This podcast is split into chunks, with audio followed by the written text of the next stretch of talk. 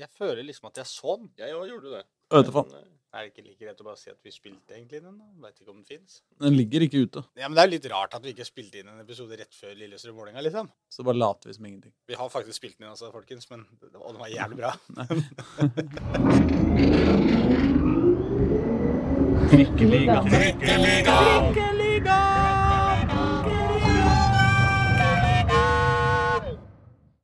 Mine damer og herrer og andre, velkommen til Trikkeligaen sesong 4, episode opp i 40-tallet et sted. Jeg heter Aslak Borgersrud. Sammen med meg har jeg Håkon Thon Hei, hei. og Pål Karstensen. Hei. Sjølveste og sjølveste.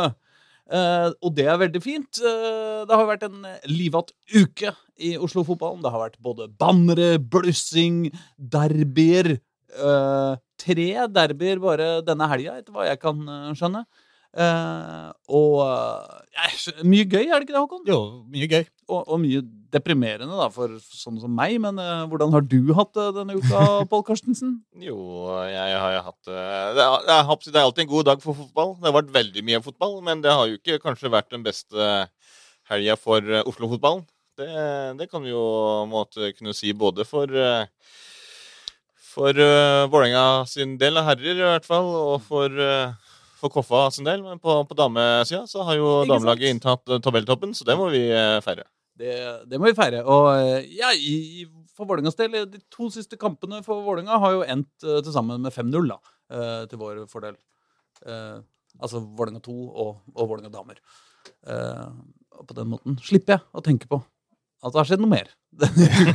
Ja, du kjører Kjetil Siem-strategien. jeg veit ikke hva Kjetil Siem-strategien Nei, da vi prøvde å snakke om kampen mot Brann oh, ja, var det sånn, vel, så- Ja, det var en veldig god dokumentar om David Beckham på Ja, var- Netflix om dagen, eh, var det ikke det? Jo, det var det. ja, ja, ja. Nei, men eh, skal vi begynne på Åråsen, eller? eh, Bare for å rive plasteret av såret med en gang? Kan vi godt. Så vi går aldri aleine til Åråsen, som de sang. Sang Men- det? Ja, de synger det ganske ofte. Men uh, uh, Nei, altså det, uh, det Det det er ganske lett å gå gjennom den kampen, egentlig, for Vålerenga selv. Det var Altså, godt norsk ræv var helt elendig. Det var liksom Og, og jeg, jeg håper å si, i hvert fall det som Vålerenga har levert etter at Geir Bakke tok over, eller og i hvert fall det siste. De har jo greid å ikke tape på ganske lenge og begynt å få den i god form. Skaper ting. eh, Ilic på topp er god, og så- sånn. Men i den kampen der, ingenting. Nei, det var rare greier, Det var, altså. det var, altså, det var ingenting gjennom 90 minutter. Ikke et eneste avslag. Det, var- det var ingenting. liksom. Jeg så ikke mange sekundene av denne fotballkampen, men, øh, men jeg så at André Ilic hadde en helt syk dragning plutselig der. Hvor han kom til en avslutning. Det var, det var omtrent det eneste jeg sa i kampen. Faen, Vålerenga er gode, ass. Å, ja. Her burde de skåra. Ja, Det var også det eneste som skjedde. Ja, men det var, det, var så, det var så utrolig høy klasse på den øh, finta òg. Han stoppa ballen og dro den med seg framover liksom i samme bevegelse. Det var sånn, øh, det var høy klasse på. tenkte jeg, faen, Vålerenga. Dette så bra ut. Jeg veit ikke helt når dette var. da. Det kan ha vært seint i kampen, kanskje. det. Ja, var ikke det her Spilte ikke mot, for Vålerenga spilte ikke mot sine egne supportere i andre omgang. De spilte mot sine egne i første. ikke sant? Ja. Ja, så det, var Jeg i tror det var tidlig i andre omgang, det. Ja. Jeg, jeg satt og spiste en eller annen middag oppe på Briskeby Jesus. i Hamar eh, da denne kampen ble sparka i gang. Og da var det så mange som var så skuffa av denne produksjonsgjengen oppe på Hamar. Mm. Som var sånn De syntes var så Innmarsjen var liksom Alle var så gleda seg så sykt til den innmarsjen. Bare Hva skjer med TIFO, og hva skjer med Mm. alt mulig? Mm. Og så når de satt og så på det, jeg bare hadde et sånt halvt øye på det, det var liksom et par telefoner som var oppe rundt det bordet. Og da og så alle bare Hva var det her for noe? Det var jo stusslige greier. Men du syns det var litt sånn slapp tribune? Ja, de syns det. Ja, Ja, de, ja. så jeg må høre hva dere syns, for jeg så det ikke.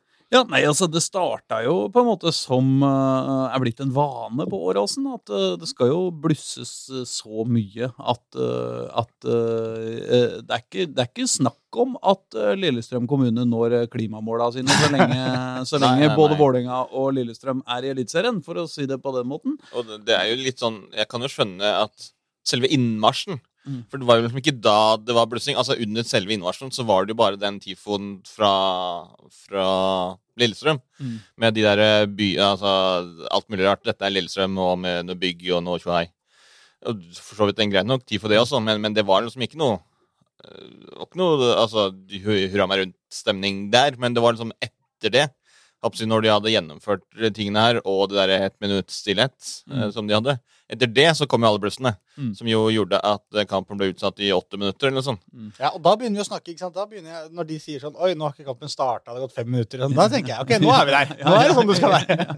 Hvis dere syns det var litt slapp inngang da, så Mm. tenker jeg at det, her, det må vel veie opp. Ja, ja, det var akkurat det. Så Men ellers så var det veldig trøkk helt sånn i starten også, på en måte ute på banen, med litt sånn eh, eh, harde taklinger og litt sånn opp og knuffe litt etter, eh, etterpå og, eh, og sånn.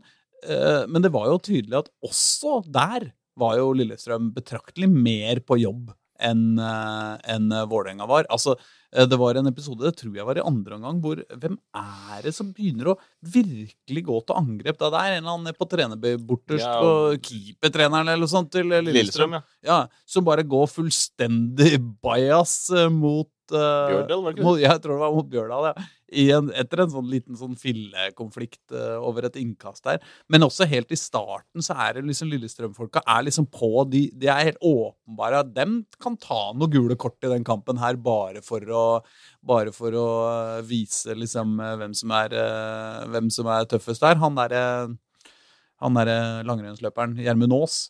Aasen. Han, han var jo Det Bitri som fikk et ganske tidlig gult kort for Vålerenga, og hele resten av kampen så var jo Ermin Aasen borte med å vifte med luggen i, i eh, Det er provoserende lugg òg. Det er veldig provoserende lugg, faktisk. Den, eh, den eh, Det er luggen du aldri forstår. Ja, det er jo rart han ikke får gult kort fra kampstart allerede. For, å provosere motstandere. Nei da, men, men Altså, Vålerenga hadde, hadde mm, Magnus Bekke Risnes. Han eh, var god.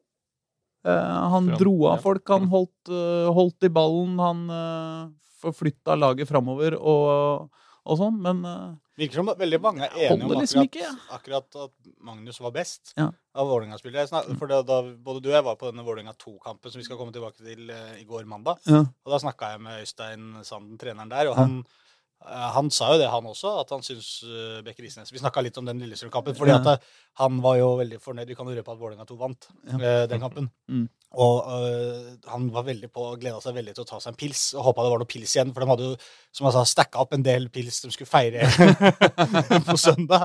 Men uh, det var ikke så mange som hadde blitt åpna, da. Så da tenkte han at da kan jo kanskje jeg ta noen av dem i, i dag istedenfor. Så han, gleda seg til det, og da kom vi litt inn på den Lillestrøm-kampen. Og da sa han jo det at øh, Magnus Bekke Risnes et, øh, i hans bok også var den klart beste Vålerenga-spilleren. Ja, det er jo altså Til tross for den, den kjempetabba som jo gjorde at det ble eh, 2-0-målet til Lillestrøm, Ja. så er det jo også Bekke Risnes som er, har fått best karakter på de aller fleste Mm. børsene. Mm. Eh, og det sier jo litt som at eh, eh, Altså han som gjør, som gjør den kanskje største tabba, som gjør at da Lillestrøm punkterer kampen, Ja. Allikevel fortsatt er best på børsen. Mm. Det sier jo mye om, om hva resten av laget har prestert. Ja, og det, det er jo feil mann som skal være best på børsen nå. Altså, det er en unggutt. Det er kult at han er den beste på børsen. Han, skal, væ- han kan godt være det innimellom, men i en Mm. kamp som dette her mot Lillestrøm, Mm. så er det på en måte ikke Magnus Bekke Risnes du sitter og tenker før en gang på. Han må, han må ta tak i dette og dra dette framover. Ikke sant? Eh, Hvis Bech Risnes hadde spilt den samme kampen han, han, han burde spilt den samme kampen som han gjorde nå, Mm. men han burde ikke vært banens beste for Vålerenga. Det burde vært en annen som hadde vært enda bedre enn han. ja, ja. Og, og, og kanskje to-tre som var det. Og det er jo nettopp de endringene Geir Bakke har gjort. ikke sant? Han har fått inn eh, noen svære karer eh, som skal eh, gå foran i uh, Bitri og Ilic og eh, Elias Hagen og eh, Storevik har han på en måte flytta p- Promotert Mm. i køen eh, framfor Magnus Sjøeng. Og, eh, og eh, de gutta Mm. Eh, samt selvfølgelig de, de man eh, hadde fra før av, eh, av liksom folk som skal kunne stå i en fight da, for Mm. Vålerenga. Det er jo dem som, eh, som skulle ha vært på jobb, og dem var ikke på jobb. Og du, du kan sammenligne det litt øh, flere ting faktisk med den Vålerenga 2-kampen. For i den kampen Kan vi ikke vente med de sammenligningene til etterpå? på en måte? Ja, nei, men det var noe med, med liksom at i den kampen så gikk Vålerenga 2 så knallhardt til verks. Der var det de som tok liksom de gule korta, sa ifra Mm. Ja. tidlig at uh, det, vi skal vinne denne kampen, for det betyr ekstremt mye for oss. Ja. Og vi kommer til å bruke alle triksa i boka for å, for å klare det. Ja. Mot et litt sånn Ja, Kjelsås og Lillestrøm kan også sammenlignes, ligger litt sånn der i ingenmannsland og, og ikke har det der siste desperasjonsprosenten, da. Mm. Det er jo kanskje store forskjell også på, på, altså, på, på, på andre laget av rekruttlaget. For det så noe Så det var noe for, for, for knytt. Altså, greit nok, det betød kanskje like mye for, for Vålerenga, og det gjør du helt sikkert, både med tanke på eh, nedrykkskampen, men også selvfølgelig prestisjen i det, det oppgjøret. Mm. Men, det, men, men det virka som at det ble jo noe, noe for knytt der, og at liksom Lillestrøm da kunne liksom senke skuldrene og bare sånn Her skal vi Altså, dere har kommet til vår hjemmebane, her skal vi vinne, liksom. Spiller ingen rolle om vi pådrar et par røde kort, eller altså sant, Fordi den kampen her eh, Altså, sesongen vår er liksom ferdig, vi kommer midt på det, altså, vi, vi havner der vi havner, liksom. Mm. Men denne kampen skal vinnes, om det liksom er det, så det siste vi gjør i, i denne sesongen. Det, Og det merker du kanskje litt på innstillingen til, til Lillestrøm også. Og når da Vålerenga var liksom jeg vet ikke, Det var noe forknytt, det var noe tamt, det var noe liksom Altså, jeg synes at Hovedproblemet rent sånn fotballmessig er jo at i hele førsteomgangen, og egentlig nesten hele andre omgangen også, så, så greier jo ikke Vålerenga å ta ned ballen og holde på den og spille den litt fram og tilbake. Det ender opp med at alle dueller som Vålerenga vinner, eh, eh, så, så ender det opp med å legge en liksom, lempe en halvlang ball oppover og fram i banen, og kanskje mot midten, og så, og så går den rett til en Lillestrøm-spiller.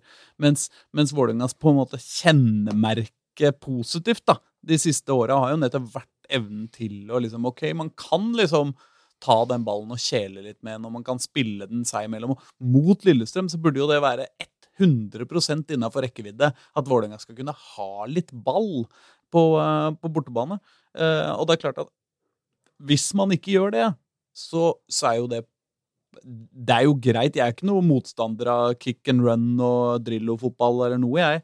Men det er bare at det, kom jo heller ingen lange baller. på en måte. Det var jo heller ingen Det var, det var liksom klarering, og som gikk til Lillestrøm-spillere. Og det var eh, Og den, altså En sånn taktikk mot et Lillestrøm-lag som jo er kjent for å være Altså, de er jo de er gode, gode fysisk og, og har stoppere som, som er bra på å håndtere akkurat den type spill. Ja. Så det er liksom jeg håper Hvis det var kampplanen, som jeg jo ikke tror det var, så ville det vært en ganske merkelig kampplan mot et lag som jo det er Altså har sine styrker akkurat i det spillet, da. ja, da. Jo da, men uh, Ilic er jo ikke noe er ikke noe håpløs hode, Nei, nei, hodespiller, han heller. Sjøl om eh, Ruben Kristiansen er, eh, er eh, en veldig eh, Ruben Gabrielsen. Gabrielsen, Gabrielsen. Vel Gabrielsen, Gabrielsen, Gabrielsen er en, er en eh, formidabel motstander. Uh, der er det. Jeg hørte jo på en eller annen podkast før denne kampen, husker jeg ikke hvilken det var, eh, men eh, jeg lurer på om det kanskje Kan det være denne? nei, det var ikke, denne. Nei, for den er jeg litt i tvil om, eh, om egentlig Hvor ble jeg? Ja, ja, hva, hva skjedde? Ja. Hvor ble det av den? Men uh, Nei, HUB var det. Den derre Norsk Tipping-podkasten. Jeg hadde aldri hørt på den før, men så så jeg at det var liksom derbyspesial med Oldrup Jensen og Ruben Gabrielsen, så da tenkte jeg skal jeg høre på det. Og da snakka jo Ruben Gabrielsen om akkurat det at øh, liksom han gleda seg litt til den duellen med André Ilic. Har liksom hørt mye og sett mye. Og, ikke sant? Han, og som han sa, jeg er ikke dum, jeg ser jo at han er god på huet, liksom. Så jeg, jeg gleder meg til øh, å, å skulle teste det, da. Mm. Eh, Så kom jo heldigvis Vålerenga litt godt ut av det, kanskje. da, Men han sa også at han hadde lyst til å gi bort mesteparten av de duellene til han Espen Garnås. da. Jeg vet ikke hvem som tok flest dueller med han Ilic, men kanskje som du sier, problemet var litt at ikke de fikk de rene duellene. At det blei mer upresist. For at én ting er jo å slå som Eivind Kampen, eh, som jeg har referert til mange ganger tidligere, som han har sagt Kjelsås har gått fra å slå lange baller til lange pasninger. Mhm. I denne kampen så tolker jeg deg Aslak, som at Vålerenga slo mye lange baller. Ja, og ikke jeg- nødvendigvis lange pasninger. Jeg vil definere det som eh, eh, på en måte Retninga var mer eh, mæling, men Ja. det var ikke så lange heller. Nei, nei. Det var okay. sånn uh, slapp mæling, Ja, kan vi en slags forsøk Ja, en sånn hybrid mellom, mellom klarering og en pasning. Jeg ser du står der, men, og jeg veit ikke hvor hardt jeg må slå, men jeg prøver sånn her. sier Eh, nei, men skal vi uh, Men ellers så var det jo selvfølgelig har det vært det mye oppstuss. Ja, men poenget mitt var bare egentlig at, ja. at uh, hvis du hadde fått de rene duellene hvis, Mm. For det, det, det å vinne dueller handler jo ikke, det er det samme som innlegg. Det handler jo ikke bare om at innlegget er godt, det må stå et menneske der òg. Mm. Og langpasninga fram, det hjelper jo ikke om du har en god hodespiller hvis du slår den Så han hele tida må løpe tre-fire meter og får dårlige arbeidsforhold i Mm. alle duellene hele tida. For Lillestrøm står der jo med tre stoppere Mm. som kan alle sammen ta den duellen, ettersom hvor Vålerenga slår den ballen fram i banen. Mens Ilic, du er nødt til å treffe Ilic, da. Ikke han må løpe til duellen. Mm. De andre må komme til han til duellen for at da skal han skal ha gode forhold, da. Men det veit jeg ikke, som sagt, for jeg så ikke nok av den kampen. Jeg bare, jeg bare påpeker det. God analyse der. eh. Du er en ekte internettbruker, Håkon Thon. eh, Som, Jeg hører på hva dere sier, og så danner jeg meg et bilde av denne kampen.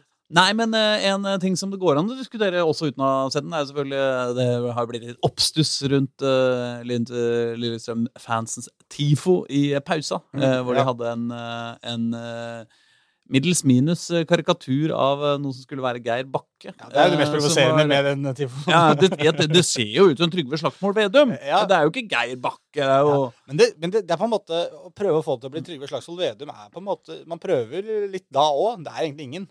Ja, det er litt snodig, i hvert fall. Han. Men uh, han hang nå i hvert fall fra en galge og hadde rottehale. Uh, og uh, så sang de visst 'Etter matchen skal du dø'. Jeg hørte ikke det ropet, men jeg bare lurer på altså, Dette er det Vålerenga som roper 'Etter matchen skal du dø'. Eh, faen ta eh, er det det? Ja, Vålerenga pleier i hvert fall Drep dem, Vålerenga. Drep dem. Ja, i hvert fall, også, det også. eh, ja. Det også.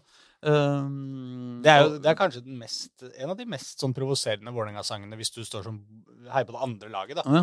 Mm. Og en Vålerenga-spiller liksom, kjører over en av dine, Mm. og så kommer liksom bare drept 'drep dem, Vålerenga'. Du føler deg bare De kommer til å drepe oss hvis ikke vi Vi, må- vi, vi må bare bli ferdig med denne kampen, ellers så dør vi, alle sammen. Altså I gamle dager uh, altså uh, Vålerenga-supporterne har jo blitt mye ryddigere etter hvert. I gamle dager så pleide man jo også å synge 'La han dø, la han dø, la han Ja, dø' når ja. noen var skada, og Ja, ja. eventuelt 'bæbu, bæbu' når Ja, det, er, ikke så ille. Nei. Men begge deler er på en måte Men, uh, men uh, jeg ser jo da at det er noen som har greid å hisse seg opp noe fryktelig over denne, denne drapstrusselen til Lillestrøm-supporterne. Hva, hva tenker dere, gutter? Jeg tenker at det må være. Altså, det, det banneret der, det er jo Mm. ikke Altså, sant? altså Rent isolert sett så kan du jo Mm. si at liksom, det er bad taste og liksom ikke bra og sånn. Mm. Og jeg ser at det er mange som har hi- hissa seg opp, altså, men, men det er liksom ikke fotballfolk. Eh, først og fremst. Mm. Det er masse sånn jeg håper si, kulturpersonligheter eller andre som folk Altså som, som mediene har ringt for å, for å spørre hva syns du om det her, liksom. Mm. Uh, mens Geir Bakke syntes det var, uh, var greit, det var innafor. Politiet hadde ikke noe å si på det. Lillestrøm som klubb mente det var greit. Vålerenga er heller ikke Altså, Dyrenes beskyttelse var ute og raste. Var det det på ordentlig? Nei, nei, nei. Det så det er liksom de, de som har vært involvert da i det, har syntes det var, var greit. Og Vi da syns ikke noe om å spikre rotter Nei, å, å henge rotter. Sammenligne rotter med Geir Bakke. An. Så det, det syns jeg at det, det må være greit. Altså på, på en tribunesjargong og tribuneliv, sånn som det er banter mellom to supportergrupperinger. Og du må tenke at det her er jo kanskje det verste som kan skje i norsk fotball. Eh, altså at eh, en trener fra eh, altså Lillestrøm, da, eller Vålerenga, eh, altså vice versa, da, hadde gått til liksom erkefienden midt i sesongen. Så at det blir markert på en sånn måte, det det, det er både å forvente, og det må være, være greit, syns jeg. Jeg tipper at det som kanskje noen Altså, eh, jeg tror ingen egen altså, Det var en poll på Twitter her. Det Mm. var en som hadde lagt ut hva man syns om denne her. Mm. Eh, ja, det er humor. Nei, det var teit. Mm. Eller noe. sånt. Eller likegyldig. Jeg svarte likegyldig. Jeg er litt sånn Mm. greit for meg, liksom. Jeg tror, men jeg tror det, det noen reagerer på Hvis du sitter på uh, stadion der, hvis Mm. du sitter på den langsida der Mm. Det at de, det faktum at de bare flytter ti, altså dette banneret 40 meter, eller hva det blir, da, Mm. til venstre fra Kanarifeltet, liksom, og midt foran spillerinngangen der Mm. Altså, Jeg likte det grepet, på en måte, for det er, så, det, er, det, er, et slag midt i trynet på Geir Bakke når han går av, på en måte. Mm. Så jeg, jeg liker det rent sånn eh, Det, det fullfører målet sitt da, på hva Mm. det skal gjøre. Det skal provosere, og det skal irritere. Mm. Og det gjør det åpenbart. Jeg veit ikke hvem som er mest provosert og irritert. Det virker som folk som ikke var med i denne kampen, er mest irritert over Mm. dette. Mm. Folk som så det på TV. Men eh, de som eventuelt sitter på den langsida der på, på Lillestrøm, det blir på en måte et budskap fra hele den gjengen. da. Måte, når man bare flytter det 40 Å, ja, meter. sånn, Det er ikke lenger bare liksom, Kanari-fansen. Dette er Lillestrøm. Alle Lillestrøm-fans mener at vi skal henge denne rotta. liksom. Altså, det er jo eh, Pressetribunen eh, er jo rett bak det. Pressen mener det også. så- så Men pressen står bak dette. Pressen, ja. Det er Leif Det er Welhaven ja. eh, som, som endelig nå har fått sagt meninga si. Ja, om, ja, han sto jo bak der, så da regner jeg med. Og da, Ja, da og han- er han en del av det budskapet. skrev jo det helt motsatte igjen i sin kommentar i, i VG. Eh, for han har jo gjort det til jeg sitt livsverk, men, men hvis det er noe jeg si, han kan være uenig med fansen i, så er han flink til å finne måter å være uenig med fansen i. Det kan vi jo si. Jeg hørte også på i den TV 2-podkasten han Yao Amankwa. mm, Han, han sa det jo egentlig bra, at overgangen fra, til Geir Bakke var provoserende og jævlig, og noe av det verste mange Lillesund-supportere var med på liksom, å få den nyheten så midt i fleisen. Mm. Eh, at denne Tifon står egentlig bare i stil til det. Mm. At ja, den er litt jævlig, og den er, eh, den er, ikke, den er ikke lekker, liksom, og den er, den er stygg. Mm. Og, og, og over kanten. Men det var kanskje overgangen til Geir Bakke, og sånn sett så står den i stil med den overgangen, da. Syns det var en ålreit eh, synes det var en ålreit sammenligning det. Ja, altså, jeg er mest uh, provosert som uh, billedkunstner. Ja. Og jeg er ikke noe særlig til billedkunstner. Nei, men selve den derre Hva heter det? Opphenget? Planka? Eller ja, opphenger opphenget, kanskje. Den Mm. derre liksom selve Mm. ja, Hva heter en sånn? Galge. Galge? Å ja, sånn, ja. ja, ja, Selve sånn. trestammen? Ja, ja, sånn. Som, ja, på den, og det ja. derre snora. Ja. Det var godt gjort, egentlig. For du så at det var det det var. Ja, ja, ja, det det. Det var ikke snakk om at det var Er det, er det en busk, eller er Nei, det en trestamme, liksom? nei, nei, nei. Som Geir Bakke da var litt mer usikker hvem det var som hang der. Nei, men skal vi da bevege oss videre fra, fra, en, fra, fra Åråsen og til Obos-ligaen, eller skal vi hoppe Vi tar litt om, eh, om Vålerenga sin uh, situasjon da, etter den, eh, den kampen her. Nå er det jo Helt topp Vålerenga-situasjonen. Det er ingen mørke utsikter. Nei, det, du mener det? Eh, nei, men helt på alvor så har jo jeg calla at det er tre kamper som eh, betyr alt. Eh, det var eh, mot Sandefjord, mot Stabæk og mot HamKam. Og det er de kampene som Vålerenga skal vinne, og det står jeg jo på en måte fortsatt inne for. Men Ja. skulle helst plukka noen poeng fra litt andre steder òg, da. Men ja, nei, du har jo selvfølgelig rett i det som alle andre også ville skjønt. Men og spesielt fordi Stabæk har jo vært i ganske god. Jo, jo, men det er jo ikke Altså, det er ikke rocket science, liksom. Og når du da møter lag som du ligger rundt, og du kjemper i et nedrykks uh, At du skal slå de. Ok, men det er tre, det er tre Jeg skal kamper. bare det er tre. det er ikke rocket science, og så skal jeg spille av det for hver setning du Ja, ja, det, det kan du jo godt. For det er mye av det som ikke er det. Men eh, Fotball, fotballprat er jo mye selvfølgeligheter oppe. ja. Men da, jo da kan vi jo si at Vålinga, eh, Det er tre kamper for meg, da. De må slå Rosenborg, de må slå Sarpsborg, og de må slå Tromsø. Ja, du tenker det? Ja, det er rocket science. Det er rocket science. For ja. Det er sant. eh, Men, Ja, men eh, apropos det, Rosenborg i neste er jo eh, ikke egentlig hjemme mot Rosenborg nå. De ser jo ikke superskarpe ut, de heller, da. Nei da, det skal ikke være 100 umulig, men Nei, Og Sarpsborg etter det, som heller ikke Som taper mot Ålesund. Ja. Veldig opp og ned. Sarpsborg er veldig opp, veldig opp og ned-lag. Så det har gode De gode er sikkert på topp når de møter Vålerenga. Ja, men det tenker jeg Ja, liksom jeg Rosenborg fort er òg, vet du. Ja, ikke sant, ja. Eh, Så ingen av de men, Nei. Og så Tromsø i den siste kampen også er litt sånn det er, så veldig avhengig av hvordan tabellen ser ut, da. Mm.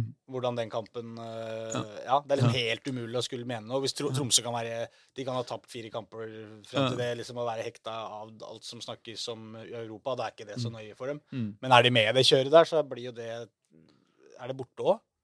Ja, er det, det er borti der oppe i siste, ikke sant? Uff, I desember.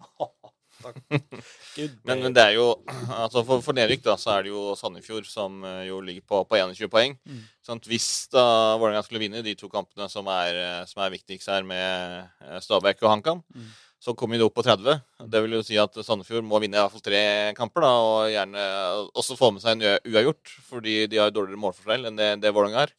Mm. Og det er liksom også skal jo eh, Altså, de kampene skal vinnes for Sandefjord også, som jo heller ikke har vært, vært strålende. Mm. Så, så, så nedrykket tror jeg kanskje ikke uh, det, det skal fortsatt en del til. Men, men sånn, når du har Stabæk, som er i så god form som de er, som har plutselig begynt å vinne mange kamper Uh, sånn, Nå var det jo en veldig viktig bunnkamp her mellom Haugesund og HamKam, som Haugesund dessverre gikk seieren ut av. Eh, så er det jo ikke så veldig langt opp til, til HamKam heller, som har et veldig tøft kampprogram igjen, med tanke på den kvalikplassen. Så eh, Kvalik kan det jo fortsatt hende at det blir, men jeg tror, eh, jeg tror ikke Sandefjord er god nok til å ta igjen Vålerenga. I hvert fall hvis Vålerenga ikke gjør jobben sin selv, da. Det Men Sandefjord jo også har jo et par sånne kamper igjen, som de også sikkert sitter i sin podkast og sier eh, Dette er ikke rocket science, men eh, Nei, ro rocket, si Rocket Science. rocket science. Men de, må, de har jo Ålesund borte og Stabæk borte. Det er klart, det er bortekamper mot begge de to lagene som man bør slå. Men hvem har Sandefjord i siste? De, ikke sant? De har Lillestrøm hjemme. jeg, jeg bare sier det. Ja, det, altså hvis, hvis Lillestrøm har eh, muligheten til å sende Vålerenga ned, Mhm. så Og ikke, eh, ikke kan tape noen ting på det selv. Eventuelt en plassering som er helt ubetydelig, bort fra kanskje noen kroner, jeg vet ikke. De kronene de driter dem i, altså. Ja, ja. Og den plasseringa Å nei, det blei ble sjuendeplass, ja. Uff. Ja. Dette har jo også et ekko i andredivisjon, faktisk, eh, den situasjonen der. Så, så det Ja. kan vi også er komme tilbake til. Komme tilbake til. Jeg kommer tilbake til, ja. Ja, Det mye å komme tilbake til i den podkasten. Mye å komme tilbake til, og nå kan vi komme til Obos-ligaen. Ja.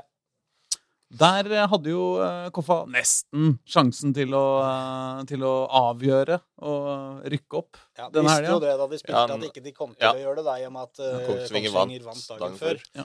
Så var jo var det ikke det det sto på spill om da, men, men allikevel, som jeg har sagt, to, to seire på de fire siste var jo det de, det de trenger, Mm. uavhengig av hva noen gjør, men eh, da stokka det seg litt. Ja, det var uh, Absolutt ikke å holde tynn suppe. det var jo kanskje litt å dra, dra det langt. Men, men det var litt som i den uh, forrige MN-kampen, når de da uh, avgjorde rett før slutt. Og dro med seg og sånt. Og det som jeg har sittet her i mange, mange episoder og sagt liksom at de greier alltid å skape ett angrep som de scorer på. Ja, det er ikke rocket science, akkurat, men Nei, det er ikke det. Så eh, Nå greide de ikke det. det er lov med litt frisk banter. Jeg har ikke tenkt å begynne å henge opp sånne der galger av, av Pål Karstensen her. Altså, det er ikke, det er ikke. Nei da, jeg liker denne tribunekampen. Det mellom uh, Rena og Vålerenga her. Litt uh, banter må være Det var lov for meg innafor som, uh, som supporter. Uh, nei, altså Det kom, kom liksom ikke noe Kom ikke i gang. Raufoss har jo egentlig også tradisjonelt vært en vanskelig dag for, eh, for Koffa de siste par, eh, par årene. Så Men uh, ett poeng er ett poeng nærmere opprykk. Det har jo fortsatt muligheten til å rykke opp nå mot, bort mot Sogndal. Igjen hvis Kongsvinger taper. Eh, og så er det jo da eh, jeg Hvis, hvis eh, Kongsvinger eh, ikke taper, så er det jo da hjemme mot Skeid. Hvis du vinner den, da er det Så da eh, Men da er det jo da typisk da at uh, Skeid, som jo da har vært fryktelig dårlig i store deler av årets sesong og ikke slått Koffa på kjempelenge, Mm. plutselig skal finne ut at de skal være et kjempelag og Mm. igjen ta poeng fra, fra Koffa, så det blir veldig spennende når eh, når Koffa har vel Kristiansund? Eller er det Skeid som har det i, i siste, siste serierunde? Hva sa du nå om Koffa har Koffa i siste serierunde. eh, Det kan vi finne Hvem ut de har da? Ja, det kan vi jo finne ut av. Eh, Det har vi jo snakka om hundre ganger. Det er jo eh, De Start. Bort, Start, start. Ja. Start, det er Skeid Ja. som har Kristiansund. Nei, men det er jo det, er ikke så, det er ikke så lett, det heller, hvis du må ned dit og vinne den kampen. For å rykke. Nei, og Hvis jeg ser på kampene til Kongsvinger også, jeg kan fint se for meg at de vinner de tre siste kampene sine. Og da er på en måte Som begynner å tenke sånn, da, Mm. så, så begynner det å bli litt ekkelt for Koffa. Ja, så Koffa har tre kamper igjen, og på de kampene så må de ha én seier og to uavgjort. Ja, det, kan... Minst. ja, ja, og, Og det- og det betyr at de skal ikke tape en eneste terminlista til Koffa der nå? De har Ja, uh, ja. De har Sogndal borte Sogndal borte, helgen, og da skal Kongsvinger møte uh, Sandnes Ulf hjemme. Og den, kan, den tror jeg Kongsvinger vinner. Og så har de Mjøndalen borte. Mm. Jeg vet ikke eh, Ja, de bør jo være favoritter der òg, men det er klart Mjøndalen er litt pressa kanskje, dem også, så den er ikke helt gitt. Og så har de Moss hjemme i siste, den tar dem. Mm. Jeg tror egentlig den Mjøndalen-kampen borte er den ekleste for Kongsvinger. Nest siste runde, altså. Da, da Koffa har. Skeid. Og den, altså På papiret så skal jo det være en ganske klar seier til Koffa. Og det er jo Koffa som er store favoritter, og sannsynligvis kommer til å vinne den også. Men sant, i, når, når det er så mye som står på spill da, for, for Koffa Skeid har ingenting å spille for, for de har rykka ned allerede. Det eneste de kan gjøre, er å ødelegge for at Koffa skal rykke opp. Eh, og da kommer Skeid der liksom med fryktelig lave skuldre og har ingenting å tape. Mens Koffa da er sånn Hvis du nå går mot Sogndal, ikke får opprykket der heller, og du veit at du har start borte i, neste, altså i siste runde, og du kanskje er tvunget til å vinne den, kan det bli noe, noe press sånn, som sniker seg inn der. Fordi de spillerne på, på Ekeberg, selv om de liksom har vært i den situasjonen som de har vært i eh, mange ganger, og at de har vært nære kvalik, og de har spilt der og der, så har det liksom ikke vært det, Altså den derre å akkurat få til å bikke det der vei og sikre det opprykket. Nei. Så, så, Så det er, så det eh, det er jo to forskjellige liksom, sånne tilnærminger til sesongavslutningene som har vært i Eliteserien og, og i førstedivisjon. For Koffa har jo vært ganske åpne på at eh, sant, Vi har jo vært oppe der og snakka med Tor Erik eh, Stenberg eh, flere andre medier har vært der. og det er liksom, Mm. de, de snakker jo på en måte De, de kjøper premisset om at er, de er store favoritter til å rykke opp, at de kommer til å rykke opp mer eller mindre. Altså Mm. Man snakker om Ja. hva skal skje når man rykker opp. Vi veit ikke, klart det var sånn, og sånn, ja. Men de tør liksom å bare snakke om ja, nei, hvis vi rykker opp, så, så sånn og sånn. Mens Viking gjorde jo det stikk motsatte. Der har det ikke vært noen som har turt å si et eneste ord, for de er redd for at de skulle choke så veldig. mm. Hvis de eh, begynner å snakke om gull. Mm. Ser ikke ut som det gikk så kjempebra, det opplegget der. Men, eh, og det liker jeg litt. Liksom, du må jo kunne snakke om det. Det er liksom ikke noe farlig. Så når du leder med fem poeng på, eh, eh, på med tre kamper igjen Ja, hva, hva så skal du snakke med folk om da? Ja. Hvis- laget ligger på toppen av tabellen, og det er igjen seks-sju runder Nei, vi kan ikke snakke om gull. Hva skal vi snakke om da?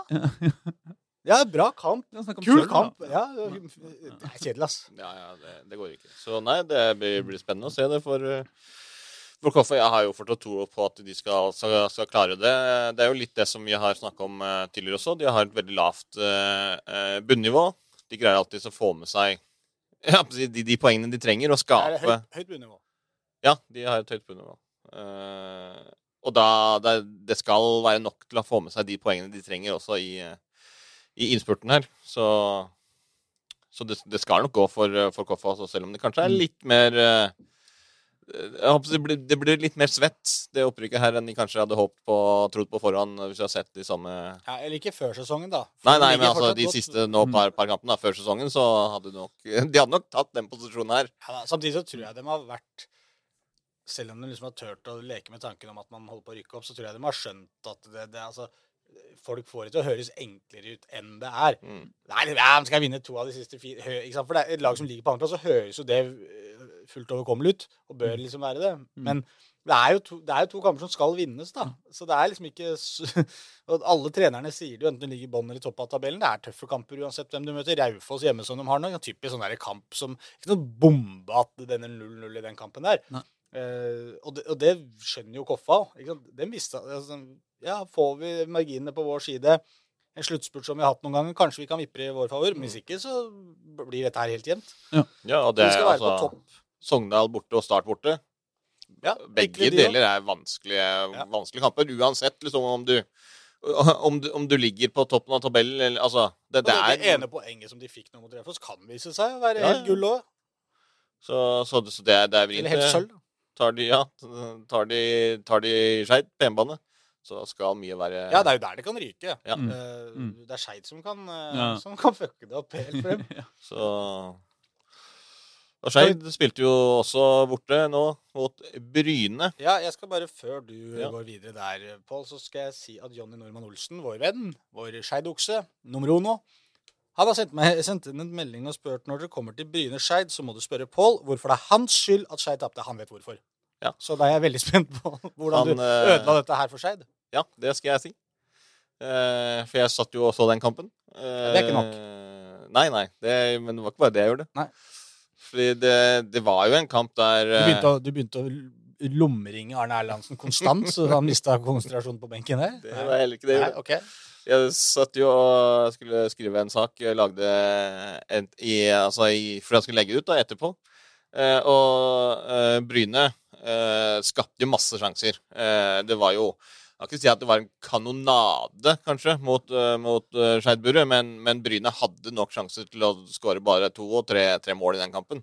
Så det var jo litt sånn uh, at Bryne ikke skulle vinne den kampen, liksom, da, da skulle Skeid være, være godt fornøyd med det. Og så gikk det jo 85 minutter, og det er liksom uh, Etter hvert som, som tida gikk og, og Bryne bomma på flere og flere sjanser, så begynte jeg da selvfølgelig å skrive min eh, sak. Så når jeg da akkurat hadde eh, I det 85. minutt så hadde jeg da gjort ferdig eh, tittel og ingress med at keeperdebutant Ofstad eh, holdt, eller redda poeng da for, eh, Forseid, tross massive Bryne-sjanser. Eh, og da hadde jeg da akkurat vært ferdig med tittel og ingress når han da skulle sparke ut ballen. Og da han gikk for å sparke ballen, så sparka han jo ned i bakken. Rett til en Bryne-spiller som spilte gjennom han som skårte, og så ble det mål imot. Og da tapte de. Mm. Og da var det liksom Med en gang så sendte jeg da melding til, eh, til eh, Jonny om at jeg sa Beklager, altså, jeg må ta det tapet her på, på min kappe, for jeg har akkurat skrevet ferdig tittel og ingress. eh, sånn sekunder før uh, keeperdebutanten da gjorde en keepertabbe som gjorde at de- dere, dere tapte. Så det er jo grunnen til at jeg må ta det tapet på, på, på min kappe. Ja, du tar den på din kappe? Ja, ja, jeg hadde det- ikke det- tatt den på. Jeg hadde sagt Jo, jo, sånn er fotballen, gutter. Det her er altså, Sånn har det vært med på så mange ganger eh, i uh, journalistikken at når du skriver et eller annet og tenker at dette nå skal det bli det med det, så blir det alltid noe som skjer etter det.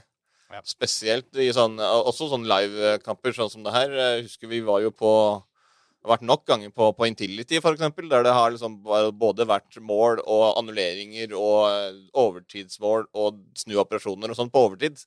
Når du liksom skal skrive og være, ha en sak klar til dommeren blåser av fløyta, og så er det liksom tre mål og en utvisning og en annullert scoring på, sånn, på overtid, så blir det jo litt eh, Det blir jo litt kok. Da blir det sånn Vålerenga spilte en god kamp, men dessverre så røyk alt på tampen. Ja. Fordi du har liksom lagd et eller annet på forhånd, og så har du skrevet om det. Det verste er uh, Altså, de der kampsakene er ikke så verst, men når du har kommentarer For i kommentaren kommentar så skal du mene noe om kampen. Ja. Sant? Og hvis du da uh, Hvis Vålerenga da har levert en kjempegod kamp da i 90 minutter, Mm. så slipper hun to mål på overtid, så er det liksom Dette var noe av det bedre jeg har sett av Vålerenga i år. Dette er positive takter. Men likevel så Altså, gikk det skeis på ja. Men, men ser vi bort fra de to målene som kom helt på tampen, så var dette knallbra. Altså. Ja, ja, og bare det, var, jo- det var jo eksempelet som var da uh, Vålerenga spilte borte mot Sandefjord. Da var jo jeg med Reidar, og Reidar satt og skrev kommentar. Mm. Og jeg så det var vel igjen et kvarter, eller jeg vet ikke hvor mye det var igjen. Men i hvert fall så het kommentaren 'Trygge Vålerenga'. Jeg vet ikke om det var det den skulle ende opp med å hete til slutt, på en måte. Men så scora jo Sandefjord et mål, og det kjentes plutselig jævlig utrygt ut. Så da sa jeg til Reidar at nå kan du bare slenge på en U, så har du jo tittelen på måte 'Utrygge Vålerenga'. Det var jo litt sånn det føltes ut som at det var- Kommentaren kunne fort gå fra å være dette var så solid og bra gjennomført av Vålerenga, ingen sjanser til Sandefjord, reise hjem med tre poeng uten økt puls i det hele tatt, Ja. til å være helt kaos på slutten. ikke sant? ja. Så det var litt, uh, litt derfor jeg måtte ta, ta det tapet på min Det kappe. Men uh, Så da tapte vi Skeid, da. Det Skeid tapte 1-0, ja. Uh, Bryne skårte fem minutter før slutt, etter at de hadde hatt skokk med sjanser. Så, Skok Skog med sjanser. så det, der, eh, der fikk de den. Fikk de. Vi rocket science-entusiaster kaller det en skokk. Ja. En skog. Ja, det er skokk eller skog. Nei, fy flate, nå er det, nå er det ille her. Nå er det fælt. nei, nå, ja. uh, Ler men- du av det, Pål, eller uh, føler du at det er liksom Går for deg som person? Nei, jeg, jeg stiller meg Du ler av det? Ja da. Jeg stiller meg litt Du ler av det, sier jeg. Du ler av det. Ja, det, Ja. Det er bare gøy. Men det er nok sånn Det skal være høy takhøyde her. Det var nok sånn Geir Bakke følte Ja, ja, ja, ja. på vei hjem til garderoben. Hva syns du om det? Du, du kan liksom ikke stå der som trener. Nei, jeg blir rasende. Dette er skikkelig dårlig gjort. Langt over streken.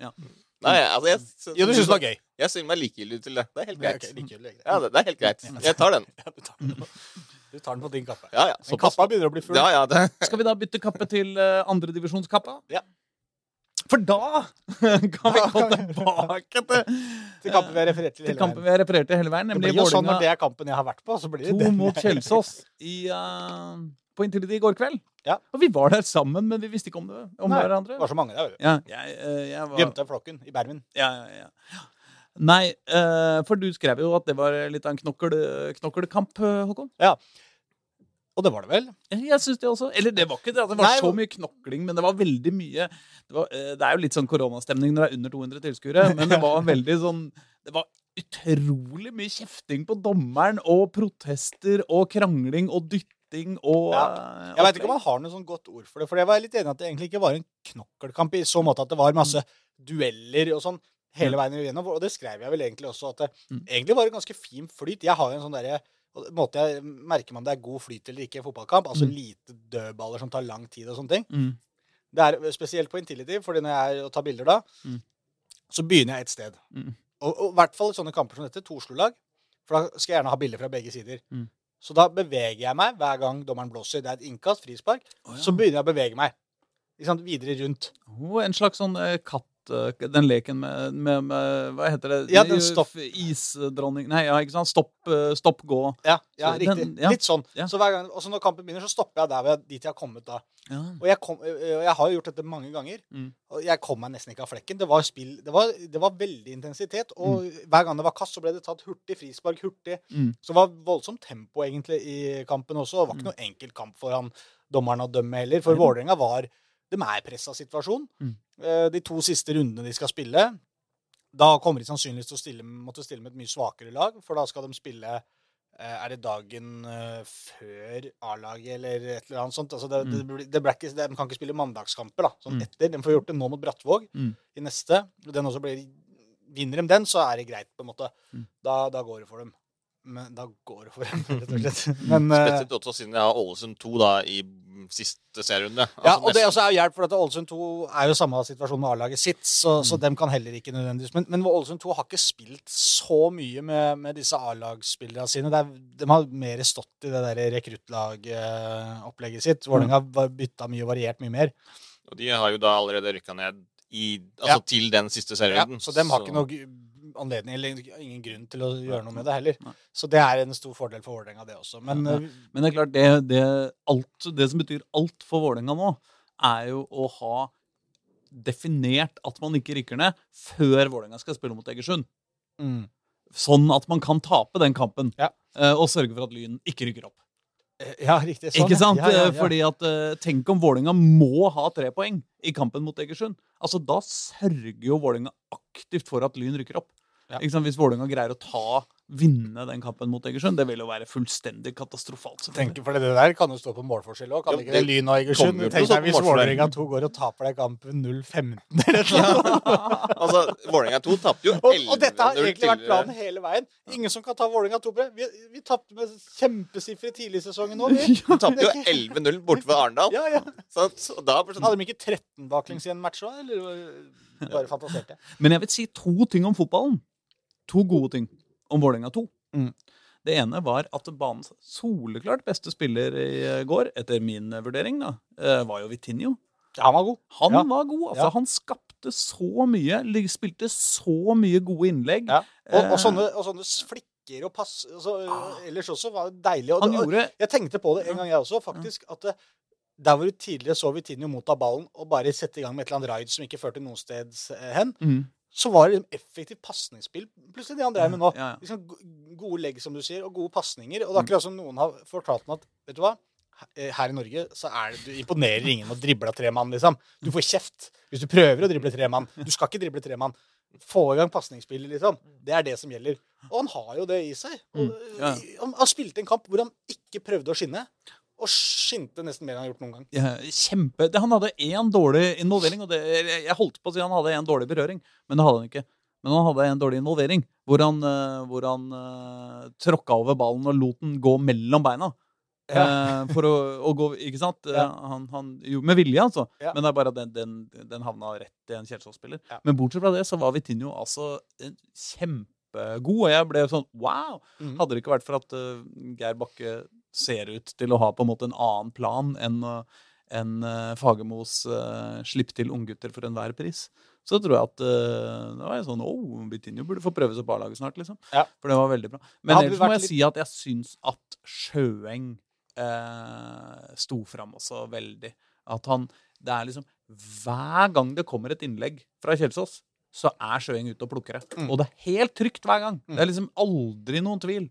Og det liksom satt i sammenheng med A-lagets Altså, det første målet til Lillestrøm er jo et innlegg som som Lillestrøm scorer på på huet, men uten at han som scorer, egentlig går opp i noe duell. Han står egentlig der og blir treffet av ballen, og den er ganske tett på keeper. Og, og i den sammenhengen så var det veldig tydelig og tro, det er, Man får en sånn ro når, når keeperen går ut og plukker alle innlegg som det går an å plukke, liksom, og holder dem fast og er helt trygg. Og den, eh, jeg tror ikke den keeperkampen der er, er ferdig på, eh, på noen måte, altså. Nei, jeg snakka faktisk med Øystein eh, Sanden, da, treneren til Vålerenga, etter kampen. Mm. Uh, ble vi stående litt etter at vi egentlig hadde gjort ferdig ordentlig intervjuet. Mm. Men da sto vi faktisk og prata om akkurat det der med, med Sjøeng. Mm. Fordi jeg fulgte litt med på Øystein på benken der. Og som Mm. du sier, det var et par ganger altså, do, dommer, han sa, jeg vet ikke, dommeren skjønte ikke forskjell på høyre og venstre. Det hadde vært kjedelig å ryke på det, liksom. At dommeren ikke kan disse, forskjell på det. Forskjell på Høyre og venstre når han peker med hendene, ikke sant? Mente han Ja, var sånn. frispark som de skulle hatt, som gikk til Kjelsås og sånne ting. Og Kjelsås var jo rim- Vi kan komme litt tilbake til det for det var mye som skjedde der. Kjelsås var ganske forbanna det også på Mm. mye av det som skjedde, skjedde den kampen her. mm. Eh, og var det jeg egentlig mente med knokkelkamp. Det var mye sånn derre eh, tjuvtriks og, Ja. Og etterslengere. Og, det, var, det var det jeg mente med at Vålerenga helt tydelig var liksom, denne kampen skulle de vinne. Mm. Uh, og litt annen attitude enn det på en måte A-laget viste mot Lillestrøm. da. Her Mm. var det liksom Kjelsås kom dit og fikk på en måte slag og tramp og kjefting fra første minutt. da. Mm. Og den var nesten ikke helt klare for det. ikke sant? Den ble veldig sånn Oi, nå må vi, det er kamp. Det er virkelig kamp, dette her nå. Men hvor var jeg? Jo, keeperen. Sjøeng. Mm. Og han sa det at de hadde jo spilt noen kamper med han eh, på andrelaget. laget, Jeg tror det var det i hvert fall han snakka om, ja. Jo, hvor, hvor de hadde liksom blitt kjørt veldig Det var én kamp han refererte til, nå husker jeg ikke hvilken det var. Men sant, de hadde bare de hadde spilt med rent juniorlag. Åh, masse innlegg. Og han var ute og plukka alt hele tida. Mm. Og når han sto på benken her den kampen her også, eh, det var en situasjon helt på tampen hvor jeg fulgte med på Øystein. Da hadde han det så vondt. Da var det 1-0 til Vålerenga. Mm. Og Kjelsås pr- presser på innlegg fra høyre. Alle er inne i boksen. Mm. Helt tilfeldig. Mm. Og Øystein sier ja, så, vi, vi slapp på alle markeringer overalt. Men den svevde over uh, hele feltet. Mm. Og så tenker man huh, der slapp man unna den. Men der sto det selvfølgelig en Kjelsås-spiller som akkurat holder den inne og bare legger den til eh, Mm. Ola Bjørnland Mm. på venstre, som er enda farligere innleggsfot. Mm. Og da er pulsen helt oppe på adamseplet igjen. Og så eh, svinger den inn, og så kommer Sjøeng ut. Og bare plukker den ned fra himmelen som ingenting. Mm. Og igjen så sier Øystein vi hadde ikke kontroll på noen ting der inne. Mm. Jeg så på spillerne våre, de, de fant ikke Kjelsås-spillere i det hele tatt. Mm. Men så kommer Sjøeng og bare uh, Mm. roer ned det hele. Mm. Men så har han også, da, som vi snakka om fordi både jeg og Øystein var litt at snakka om at det, det er vel egentlig på en måte Sjøeng som skal være førstekeeper i Vålerenga, på et eller annet vis. Mm. Men nå prøvde man seg liksom med Jakob, og så gikk det bra i de første kampene der. Mm. Og han har stått brukbart. Men, men sånn egentlig så føler man jo fortsatt at det er Sjøeng som skal ha den førstekeeperplassen i Ja, Vålerenga. ja. Eh, jeg tror jo det kanskje var bra at Vålerenga gjorde som de gjorde på det tidspunktet de gjorde. fordi de retta ikke noen spesiell finger mot Sjøeng. Han hadde, Mm. ikke, han hadde ikke stått spesielt dårlig Nei. de kampene før han ble satt. Du hadde liksom Ja. rota bort tre seire i tre kamper på rad. Så er det tøft å bare Ja. bli sendt ned da også. Ja. Men nå var det liksom Nei, nå skal vi prøve noe annet. Mm. Og Jakob Storvik har jo på en måte det Ja, det er jo to motsetninger, egentlig. For Mm. Jakob Storvik er god med beina. øh, han er god med ballen i beina. Mm. Og du så et par ganger i første omgangen her. Sjøeng banka ballen rett til en Kjelsås-spiller på egen banehalvdel. ikke sant? Livsfarlige sånne kontringer som kun Eller øh, det blir ikke kontring heller, hva skal vi kalle det? En, ja, Får i hvert fall Brudd. da, midt Mm. på egen banehalvdel fordi at Mm. keeperen bommer på utsparket. Mm. Så blei det liksom ikke noe ut av det for Kjelsås. Men Eivind var kampen Kjelsås-treneren var jo veldig misfornøyd med at ikke de klarte å utnytte det litt bedre. da, som han sier, Når du får noen sånne gavepakker, så må du nesten åpne dem. Mm. Eh, det klarte ikke Kjelsås her. Og bortsett fra det, så var jo Vålerenga to Ja, solide var liksom det eneste ordet Øystein Sanden gjentok gang etter gang. Mm. Og det, med det, i det så ligger det jo at de slapp ikke til noen mer sjanser enn en sånn dobbeltsjanse i første omgangen der, hvor eh, Kjelsås skyter i tverrleggeren med Blixflaten, og så kommer det et innlegg like etterpå, Mm. Hvor det vel er han der Solvang Ottesen som skyter, og Kiel Olsen hiver seg inn en ordentlig deilig blokkering. Mm. Han var god, han òg, Mm. Kiel Olsen. Det var vel det som var uh, snakk om uh, noe hens. Ja, Ja, det var Ja. Uh, ja, var det en hens? det var det Kjelsås ville ha. Jeg så ikke Jeg var helt ute av stand til å se om det var riktig. Ja, det var riktig eller mulig ikke. å se på, på TV-bildene også. Ja, altså, ja. man, for han Men- hev seg jo ned og blokkerte, og så var det jo ja, på den blokken? Ja. ja ok. Eh, og så var det jo liksom spørsmålet om var det liksom ballen via henda og gikk ut, eller om sant? Men, men sant, Ja. når du hiver deg ned på den måten der og, og, og altså, han, han blokkerer jo den hapsi, med, med brystet, liksom kaster seg jo ned.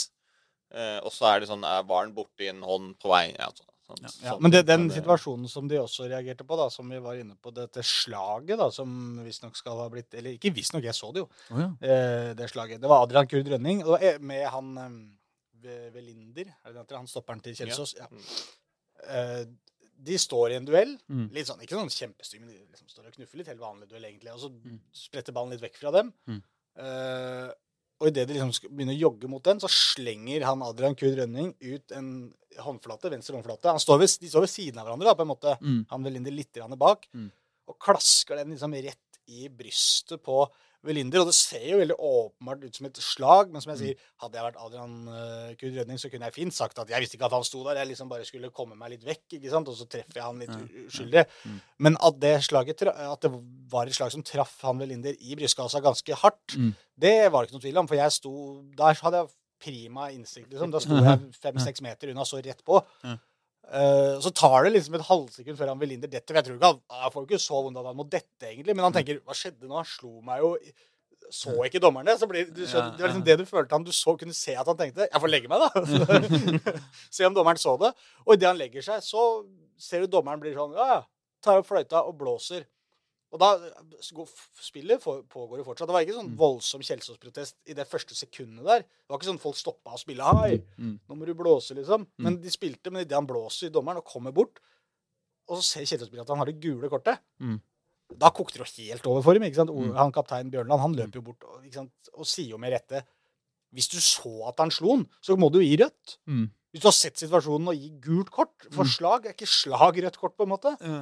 Og det er jo det som på en måte er poenget her. Da. Det var det Eivind Kampen snakka om etterpå også. at det, det er jo sl Slag er jo rødt kort alle dager i uka. Det, det er jo ikke noe spørsmål om det, liksom.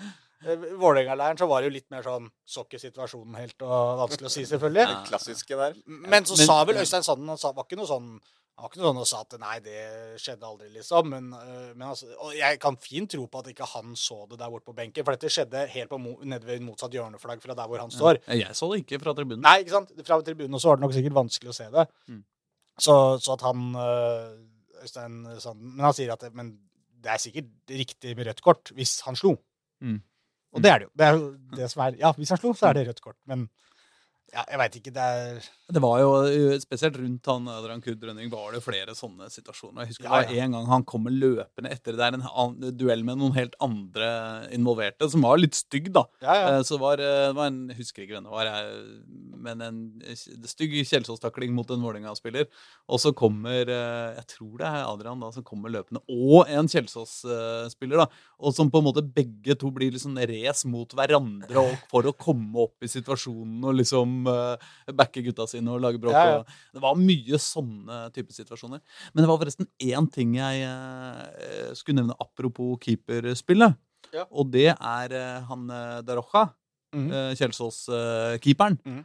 Altså, han har en så god redning ja, ja. eh, på et tidspunkt. En sånn beinparade Bein- hvor eh, Hvem er det som skyter der? Er det Børven?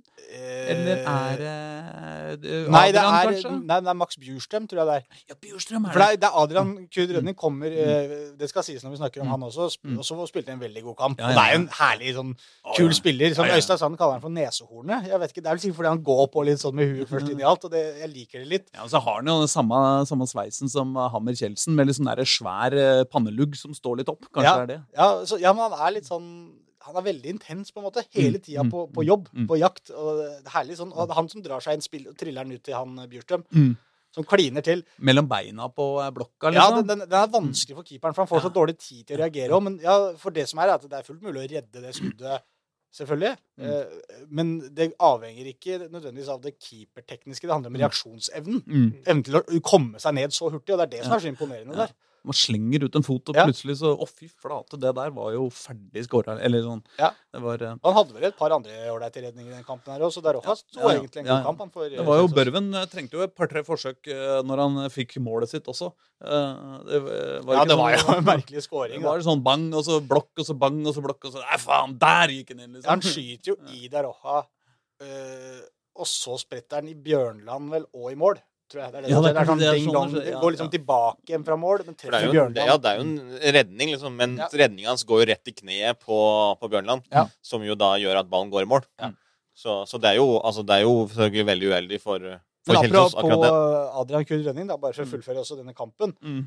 Uh, og det at han jobber og orker mye i tillegg, da, og på Mm. topp der, uh, det får han jo betalt for på slutten der, da, når Vålerenga 2 får et hjørnespark, helt gratis egentlig, Ja. av Kjelsås, en merkelig situasjon, hvor det er en. Kjelsås-spiller som helt, altså, står helt aleine og kommer i en høy en klarering, egentlig, og så Mm. vet jeg ikke hva han prøver, han skal vel prøve å heade den tilbake til keeper, da, men bommer jo med 25 meter, og header den til hjørnespark istedenfor, og så tar Vålerenga det litt sånn kort og fort, og så drar Kuhn Rønning seg bare rett gjennom alt som er, og setter 2-0. Mm. Og da var det jo greit. Ja, ja. For da var det ikke så mye igjen. Men uh, dette var uh, bra Ja. eh, av Vålerenga 2. Viktig, ikke minst. Nå er det fire poeng ned til Brattvåg. Og det er jo det som er skummelt her. Vi kan snakke om Ålesund 2, og de rykker ned og ditten datten. Men nå har Vålerenga 2 Brattvåg neste gang. ikke sant? Taper de dem, så ok, da er de fortsatt ett poeng foran Brattvåg. da. Mm. Kontra at de hadde ligget ett poeng foran bare før den kampen. Og da Mm. kunne de fort vært på direkte nedrykk med to kamper igjen hvor du ikke kan stille med ditt beste lag. Ja. Ikke sant? Da er det litt uh... Og den Ålesund 2-kampen nå i siste der, hvis de, altså de stiller jo som sagt med et lag som er i hvert fall samkjørte, spilt sammen mye hele sesongen. Hvis Vålerenga 2 må komme med liksom rent juniorlag der da, Mm. det er ikke så gitt det heller, altså. Men dere la vi oss at eh, vi har eh, altså både Treff og Fløy, da, som jo er i nedrykksstriden sammen med Vålerenga 2, møter jo de altså Treff har jo Arendal borte, og Vard Haugesund har jo Lyn borte. Ja. Så det er ikke sånn at Og eh, Fløy eh, Fløykerøy møter jo Fram, som jo ligger under streken. Ja. Så, så, så det er jo ikke gitt at verken altså Vard eller Treff tar, tar poeng, liksom, fordi de møter jo lag som, som er langt over de, og som skal være mye bedre. Mm. Så er det jo en nøkkelkamp den eh, Treff eh, Fram i bunnstriden der. Mm. Så hvis da eh, eh, Fløy Flekkerøy slår Fram, og Vålerenga 2 slår Brattvåg, så ligger jo altså både Brattvåg og Fram ganske langt bak før de to siste rundene. Ja. Nei, men det føles som det er så mye som kan skje der. For det er så mange Ja, ja, som er skal spille mot det. hverandre. Og, og Det er jo altså fra Ørn Horten på 7.-plass til Fram på 13.-plass, så er det bare fire poeng. Men jeg tror det er så enkelt som at hvis Vålerenga drar til Brattvåg og vinner, så rykker de ikke ned. Det tror jeg. Nei, det skal, nei, nei, da skal det veldig, veldig mye til. Det skal vel det Jeg har ikke er- regna på det, liksom. Men, Nei, men det føles ut som at det da, da er det jo seks poeng. Ja, det går jo det går det ikke an, da. Fordi Brattvåg har jo nå 24 poeng. Og da er det bare to kamper igjen etter den, den kampen. Ja. Og da kan jo bare Brattvåg få seks poeng til. Og det er jo Da blir det jo maks 30 på de. ja, Hvis Vålerenga vinner, så får de 31. Er Vålerenga på 28 nå? Mm. Så hvis de, hvis de drar til Brattvåg og vinner, så har de jo sikra plassen. Så er det ferdig. Ja, det er, Da var det riktig, da. Ja, ja. Men uh, skal vi gå til uh, de Det var nesten, det var nesten rocket science, det der. denne, Det var- denne I denne avdelinga? For kan. Lyn har vel spilt fotball, da?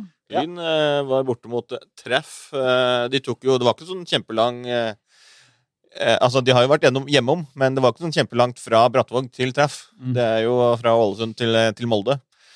Men i den første omgangen han Henrik Loholt Christiansen skårte jo sitt første mål for Lyn etter ti minutter. Da han fikk det var, det var et innkast, og så var det ballen spratt, og så tok han den på liksom, eh, oppspretten og fikk et sånn drømmetreff. Så han fikk liksom en sånn veldig god bue helt opp i mål. Mm. Så Kjempeskåring etter ti minutter, da Lyn tok ledelsen. Så var Treff egentlig det beste laget i første gang. Skapte veldig mange Eller veldig mange Skapte en god del farlige situasjoner med han eh, spissen eh, Julian Kristengård, tror jeg han heter, som var, som var vanskelig for, for Lyn å håndtere. Så Derfor så var det jo 1-0 eh, til, eh, til pause, men etter pausen så hadde Lyn full kontroll. Da skapte traff nesten ingenting. Eh, og Lyn hadde Altså, ikke sånn at Lyn hadde noe stormløp, men, men det var liksom Kontrollert. Veldig grei seier. Eh, 2-0 ble det av kaptein William selv etter på corner, som jo gikk opp og, og hedda. Og etter den 2-0-skåringen Mm. så var de altså eh, Lyn og Egersund helt likt. Mm. Altså ja, både på poeng. De Mm. hadde lik målforskjell, de hadde likt antall skårede mål.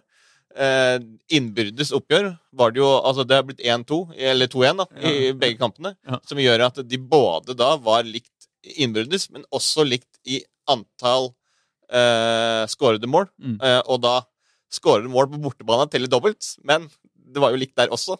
Så akkurat da, på, på 2-0, etter en time spilt der, så da lå det faktisk an at hvis, sesongen, hvis det hadde vært sesongens siste kamp, da, at det hadde vært en playoff-kamp mellom uh, Lyn og Egersund. Ja, Dette snakka jo eh, Espen om da han var her sist, i episoden som aldri kom ut. Ja, men det var var det er nesten det som er mest dumt med at han ikke har fått lagt ut den. var at han, eh, Som alle andre Lyn-supportere, de er jo veldig dypt nede i matteboka om dagen. Mm. Og regner fram og tilbake, og hva vil skjedde dersom at det hvis at eh, Og playoff hvis de kommer likt, osv. Så, videre. Mm. så Så det, det var det jo på 2-0, men så skårte jo Skåret treff egentlig litt ut av ingenting, sånn sju minutter før uh, slutt. Uh, og da ble det jo litt sånn uh, Litt kok. litt sånn nerver. Men så, så var det jo kaptein William selv som gikk foran da, og skårte på nok en dødball. Rett før slutt, det tror jeg er kampens siste spilleminutt. mm. Før da Daniel Schneider ga punkterte, eller fastsatte eller sluttresultatet til 4-1 ganske langt på overtid, som jo da var, var et skudd. Keeper ga, ga retur, og han satte den inn eh, ja, seks-sju minutter på overtid. Uvisst det var hvorfor du sender opp eh, midtstopperen din når du leder 3-1, eh, men det var jo sju minutter på overtid, så plutselig så dukka han opp, og så var det jøss, yes, Daniel Schneider som skårte. Ja. Så derfor så er det da altså Lyn som leder eh, tabellen da på eh, målforskjell. De har da 38, altså pluss 38, mens Egersund har pluss 37. Så det er jo eh, Altså- gutter, eh, hvis vi skal prøve å leke spåmenn her, bare kjapt vi også. Mm. Vard hjemme, det er neste for eh, Lyn. Ja. Hva tror dere? Lyn vinner, men eh, altså det, det her kommer jo til å bli avgjort på målforskjell. Og da er det det Ja, er, men, men så har de eh, Notodden borte og Fram hjemme. Tror du de vinner alle tre? Det, det, Nei. det, skal jo Altså, Notodden er, skal jo i prinsippet være en vanskelig kamp, men eh, Notodden men- er ferdigspilt. Ikke sant, alle, ja, altså Fram er jo eh, i det minste ikke ferdigspilt. Men, eh, men Kan jo ha rykka ned da, på det tidspunktet. Ja, ja da. Så da Men altså, nei, det er ikke spesielt sannsynlig, altså, fordi uh, de har så mye lag rett foran seg med, med bare litt færre poeng. Mm. Men så Jeg, jeg tror at uh, andredivisjon uh, denne avdelinga blir eh, avgjort eh, i, eh, i kampen Egersund-Vålerenga. I nest siste runde. Det er da. Da avgjøres det i Egersunds favør. Ja, ja. Eh, nei, vent da. Ja, det er sant, det. Egersund har jo nå Kjelsås ja, nei, det kan være at alle, begge de laga vinner alle sine tre kamper. Det er sant. Egersund har jo nå Kjelsås Begge, både, Kjels, både Lyn og Egersund har igjen Vard hjemme. Mm. Det er, eh, det er det eneste laget begge har igjen. Og så har uh, Egersund igjen også Kjelsås hjemme, som du sier, Pål, i neste. Og så Vålerenga to borte, som du var inne på, Aslak. Mm. Uh, altså, ikke sant? Egersund skal møte to Oslo-lag i de tre siste. Altså, det, Lyn er litt prisgitt litt hjelp fra, fra sine medborgere i Oslo. ja, Med mindre de bare har tenkt å vinne veldig mye Lyn eh, alt, da. Men det, det er jo ja, men det er ingen av de kampene her jeg tror Lyn kommer til å vinne veldig mye. Vard og Notodden de er, de er for solide til at Lyn kan vinne. Altså, I hvert fall ikke noe mer enn det de gjorde nå, tror jeg. Nei, tre nei, mål. nei, men altså Eh, og Fram i siste, som dere sier. Det, det, det, hvis, det, hvis Fram er nede da, så er det klart, da kan Lyn eh, finne på å skåre en sju-åtte mål i den kampen der, når de veit at de må det. Kan selvfølgelig fint gjøre det uansett, men, Mm. Men eh, det er prisgitt litt situasjonen til Fram. Ja, men Mens- Fram er jo heller ikke et lag som pleier å grisetape kamper, liksom. Nei, nei, men hvis det på en måte åh, De ryker i runden før, da. Rykker ned da. Så, eh, mens Fram klarte jo Altså, de tapte jo bare 2-1 for Egersund. Ja, Vålerenga I 2-kampen til Egersund eh, er jo den som blinker seg ut som den, den kampen som du sier, Aslak, som fort avgjør det hele, på målforskjell. Mm. Fordi at Mm. det er den kampen jeg kan se for meg at et av lagene, at Egersund kan vinne med veldig mye. Ja, men det er jo også sånn at med det laget Vålerenga stilte, stilte i går, Ja. ikke sant, som jo er et bra lag Det er ikke et førstelag, liksom. Det er jo ingen eh, A-lagsspillere Nei, men det er vel en sju-åtte som har spilt Eliteserien i år, på en ja, måte. ja, men det er ingen som starter for A-laget, da. Til, til vanlig, som spiller der, liksom. Eh, men likevel så er det et lag som bør være bra nok til å, til å konkurrere med de, med de fleste. Og hvis Vålerenga 2 ikke er helt sikre, så tror jeg de driter fullstendig i Lyn. Og uh, dessuten så skal det jo faktisk sies at veldig mange i Vålerenga-systemet jo egentlig heller vil ha Lyn litt oppover på tabellen. Det er morsommere å spille mot Lyn med førstelaget enn med annetlaget, liksom. Uh, Ja, ja, Få mer er igjen for det. Så jeg, jeg tror ikke det ligger en re... Blant supporterne, jo. Eh, men eh, blant eh, laget så tror jeg ikke Jeg tror ikke det er noen i Vålerenga som er interessert i å kaste seg i den kampen og tape så det gynger etter. Nei, nei det, det, det tror ikke jeg heller. Men, Men, men, det er ikke sikkert at det, er snakk om å kaste seg eller legge seg i denne kampen. det er jo For fordi poenget er at de ikke får stilt med det laget Ja. som de stilte nå. ikke sant? Fordi at uh, De to siste serierundene. ja, Ja. De to siste serierundene går jo lørdag klokka 13, Ja. vel, i eh, Og det I er andre divisjon, i tillegg. det- Ja. Så, så det er helt utelukka Ja, for Vålerenga å sende form altså, Ja. Noen det- altså, det, så, Ja. Øystein Sanden snakka litt om dette her i går også. Ja. Altså, Jeg veit ikke helt hva slags lag vi kan stille med der, Ja. eh, men vi må nok se an situasjonen litt liksom, på A-laget Ja. og hos oss. Og hvilke Mm. av disse spillerne Kanskje man kan få overtalt et par av disse gutta. Hvis det er helt utelukka at de uansett kommer til å spille mot Sarpsborg, som vel er den eh, matchen A-laget har dagen etter, da. Mm. Kanskje de kan bli med oss da, for dette er liksom Mm. potensielt helt avgjørende for at vi holder oss. Så det, må jo, det, er ikke en, det er jo ikke egentlig en diskusjon bare mellom Øystein Sanden og Geir Bakke. Det er jo en Mm. diskusjon for hele Vålerenga. De Ja. må bli enige om hvor, hvordan prioriterer vi dette her. Dette er jo en litt sånn uvanlig situasjon for Vålerenga. De har jo stort sett på dette tidspunktet ligget på en sjuendeplass. Mm. Og, og det har vært uh, smooth sailing de siste kampene på A-laget. Så da kan du ofre litt. Men, men nå er det liksom, nå må de ri de to hestene der parallelt, og det er ikke så enkelt, altså.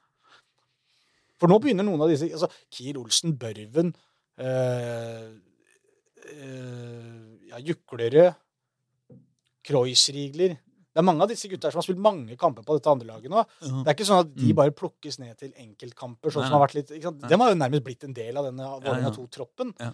Og, Ja. og, og da koster det enda mer å kvitte seg med dem. Ja, det er sant. Nei, det blir spennende, men jeg lurer på om vi skal gå videre likevel. Ja. Uh, kan vi da eh, forlate hele divisjonen? Det kan vi ikke. Vi må innom at Ullern rykket ned i helgen. Ja. Fordi de spilte borte mot eh, Ullkisa, som jo har vært Det er jo en helt ny variant på Det er når du snakker om Ullern, da blir det ikke lenger helga. Du holder på helg, men du legger på N. Så de drikka ned i helgen. Ja, ja det er mulig, det. Ja, det er litt sånn litt finere var, Ja. var, versjon av den litt uh, Ja, det er godt mulig. Jeg, helgen. Det har vi aldri hørt før. Nei, jeg kan ikke huske om jeg sa det. Men hvis jeg gjorde det, så er det sikkert mulig. De spiller derfor iallfall mot, uh, mot Kisa, som jo har vært eh, fryktelig svake. Langt, langt under det vi har forventa av de i år. Vært veldig, veldig dårlige de siste kampene Tror du jeg også. angra meg der eller på at ikke jeg spilte på Olsen på den der? Jeg vurderte om jeg skulle liksom Jeg tenkte Kisa som har vært så møkk, spille litt imot dem der. Hadde ikke vært så dumt, vet du. Jeg bare lurer på, i, eh, på TV-skjermen står det da ull mot ull? Eh, Nei, jeg tipper det står U-K, men det hadde vært gøyere med ull mot ull, ja. Ull mot ull. da. Ull- Det kan godt hende det står ull. Det var Særlig hvis det har blitt 0-0. Yes! Men det ble det altså ikke. 0-0 var det fått i 21. minutt. Ja, ull, ull, da var det ull, ull, 0-0. Da tok Ullern ledelsen, faktisk. Da tok Eh, ull ledelsen.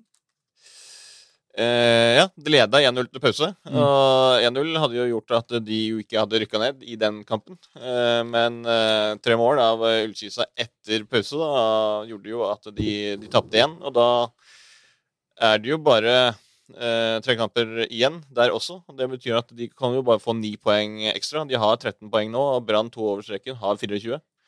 Så det vil si at de bare kan ta 22 poeng. Og dermed så er det jo da nedrykket et faktum for Ullern. Vi har jo prøvd eh, både hos oss, eh, men også i den der eh, breddeklubben, eh, Grydeland-TV, som vi kaller det, å blåse litt liv i, i Ullern. Se litt på terminlister og gi et lite hopp. Ja. Men nå er det ikke noe lenger hopp, for nå er de, nå er de rykka ned. Ja. Mm. Så da Da er det greit. Men det greit. jeg syns jo de kom opp med et ok uh, forsøk her. Jeg trodde de skulle liksom dø litt tidligere. Ja, de var jo De har jo våkna litt liksom nå på før, høsten. Ja, ja, før Altså til sommeren. Mm. Så, Så var, det de helt- jo, var de jo død og begravet. Ja. Så de har fått prøvd etter Altså Ja, jeg syns det har vært et bra forsøk. Ja, de har Det de prøvd, og det har gjort gjort det bedre, så de må eh, Men nå, nå er det jo absolutt nedrykk, og så er det jo litt sånn spennende å se da hvilke spillere som, som blir med ned, eh, hva satsingen blir for, eh, for eh, neste år. Fordi eh, Ullern har jo da vært et lag uh, Når de har vært i Post Nord-ligaen, vært det laget som da aldri har spilt med de andre lagene. De har liksom Ja, det er sant. mens vi liksom har hatt en Post Nord-divisjon uh, da med de håper tradisjonelle lagene i den ene avdelingen. De der- som spiller i helga. Ja, ja. så er det den som spiller i helgen, som er i den andre. i, eh, i Kjelsås eh, der, og nå Grorud som rykka ned nå, og Vålerenga 2. Så har liksom Ulland alltid vært i den avdelingen, så de aldri har møtt noen andre Oslo-lag. Eh, så det at da, hvis, når, når de nå rykker ned til tredje divisjon, så er ikke dermed sagt at de skal være noen store favoritter for å rykke opp igjen Nei. til, til Post Nord-ligaen. men det kan være bra for dem òg, kanskje. da. eh, Ned der. Altså, ikke bra hvis, det, hvis de raser rett igjennom den divisjonen også, men det tror jeg ikke de gjør. Jeg, jeg er enig med deg. at jeg Vanskelig selvfølgelig å si. da, Det er jo Ja. fullt mulig at Ullern er med og kjemper i toppen uh, en divisjon lenger igjen neste sesong. Men, men for dem så handler det om å få en litt en hyggeligere sesong. rett og slett. Altså, Være med å kjempe på øvre halvdel, i hvert fall. Kanskje henge med i toppen et godt stykke. Mm. Skape litt sånn engasjement og positivitet rundt det laget igjen, for nå har det vært noen tunge sesonger. Men dere lurer på om vi kan eh, rett og slett eh, gå videre såpass fort ja, så, Ja. og eh, komme oss til toppserien? For nå er det bare noen få minutter igjen av denne podden. er Men vi glemte vel Grorud, hvis vi skulle ha Å ja, faen! Grorud har vi glemt også! Grorud kan vi ikke glemme. Men de tapte jo, da. Så det Ja, jeg var vel der. Du var der. Du skrev at uh, Andreas uh, Alrek var fly forbanna. Nei, han var, ja, han var fly forbanna. Det var. Han, var, han var skikkelig skuffa. Uh, og det skjønner jeg. De var ikke spesielt gode i den kampen her. eh. De spilte jo mot Fløy. Og fikk jeg endelig se det der mannskoret eh, som jeg snakker om hver gang jeg hører, ser Fløy på TV-en. Jeg har sett mange kamper av Fløy på direktesport. Og da hører jeg alltid disse som synger så tro... Altså, det er eh, Support-Norges vakreste sangstemmer i det i supportgjengen der. Rægestimen, tror jeg de het. Og dem, eh, nå fikk jeg endelig bevitne dem på nært hold. Og det var flott. I, i snøstorm på Grorudbanen Mm. så sto de der i sånne parkdresser og sang av full hals. eh, nydelig sangstil. Prakt på hele gjengen. Bare menn, mannskor. Det er vakkert. Og de vant. Ja. Eh, Christian Eriksen skåra masse mål òg. Jeg visste ikke at han spilte nede i Fløy-Flekkerøy. Han spiller overalt, ja. Han spiller både i Molde, og han spiller i United. Og, Ja. Så det Ja, For å ta fort kampen. Eh, slapp inn eh, på et, eh, et hjørnespark i første omgang som var, burde eh, Grorud klart å klarert på et tidlig tidspunkt, så det irriterte selvfølgelig Allrek litt. Mm. Og ikke minst det andre, hvor det er en eh, helt meningsløs ball eh, fra Fløy som detter midt imellom stopperne til Grorud. Kommer Vegard Storsve ut og skal svipe litt på 30 meter. Greit nok det, så begge stopper at Grorud de bare slipper ballen inn til han, som står ja, på ja, rundt 30 meter. Og så er mottaket hans er jo ja, betong Mm. rett i beinet på Christian Eriksen, som står et par meter unna. Og han er jo da på vei mot målet til eh, Grorud, får den i beinet sitt og kan jo bare løpe forbi keeperen og sette den i tomt bur, og 2-0. Mm. Så da, da blir man fly forbanna. Ja. Eh, og, og det var jo én ting, men Grorud skaper jo ikke så veldig mye sjanser her heller. Det var jo det som også irriterte den litt, da, at uh, det var generelt mye de, de hadde jo ballen hele tida, for det var jo ikke nesten over midtbanen. De var midt, over midtbanen én gang i andre omgang. Da hadde han Josias King Furaha, tidligere Grorud-spilleren, kommet innpå. Mm. Slo en uh, jævlig god ball mellom beina på Bjeglerud og sendte gjennom han lagkameraten sin, som jeg ikke husker navnet på nå, men som satte inn det tredje, da. Jeg syns du huska det ganske bra Ja, jeg, til, å, til å ikke huske at du hadde vært der engang. Men, det, men ja, det var eh, ja, Grorud er, som Alex sa, vi er der vi er. Ja, Eh, ja. Så får man ta det men, men dette var en av de kampene som han sa dette er et stort steg tilbake for Grorud. Mm. Han er, det er jo alltid en altså, Er det én trener du har lyst til å prate med i kamper som ikke betyr nødvendigvis så mye, så er det jo Andreas Alrik. For han har jo noe å komme med uansett. Mm. Så jeg bare gleder seg til den mannen der trener et Grorud-lag på full fart uh, framover uh, på ta oppover på tabellen. Da kan det bli ja, ordentlig moro, altså. Mm. Det Hvis Og er du liksom, folk er liksom sånn Nei, dette var ikke bra. Dette det er for dårlig. Men det er, det er liksom rett fram.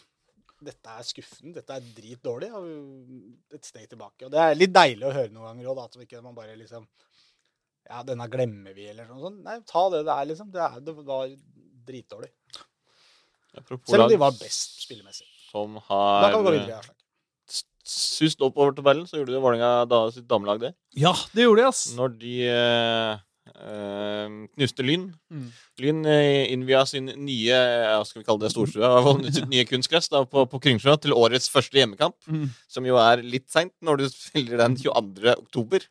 Men, uh, men Vålerenga var, var klart best eh, i den kampen. eh, vant eh, 3-0. 3-0. eh, Skåringer av eh, Felisa Rogic i første omgang, eh, Michaela Kovac og Elise Thorsnes på straffe. Eh, Det når da, irriterende med den kampen her var jo faktisk at den var samtidig som Lillestrøm ja, ja. ja. Altså, det er faktisk provoserende. En ting er at de fjomper det til med hockeyen iblant, men når de greier å fjompe det til med Vålerenga menn og damer òg, da er det for ille, faktisk. ass. men det er vel det samme i cupfinalen, tror jeg også. 26. november. Eh, det det? Skal ikke Vålerenga spiller Skal vi se eh, For jeg mente at jeg leste noe om det også, at eh, fordi den eh, Den også Altså, den går samtidig samme dag. Fordi eh, eliteserierundene er det også søndagen. Fordi at cupfinalen Ah. til Vålerenga spilles samme dag som eh, Men, men unnskyld meg, går ikke den dagen etter øh, øh, Eller dagen før 26. da- mannecupfinalen? Nei, 26. november Å, spilles uh, damecupfinalen. Den Mm. spilles uh, på, tidligere på dagen, mens HamKam da møter, altså Vålerenga møter HamKam på Briskeby klokka fem samme dag. Å, herre min hatt. Det er Så møkk.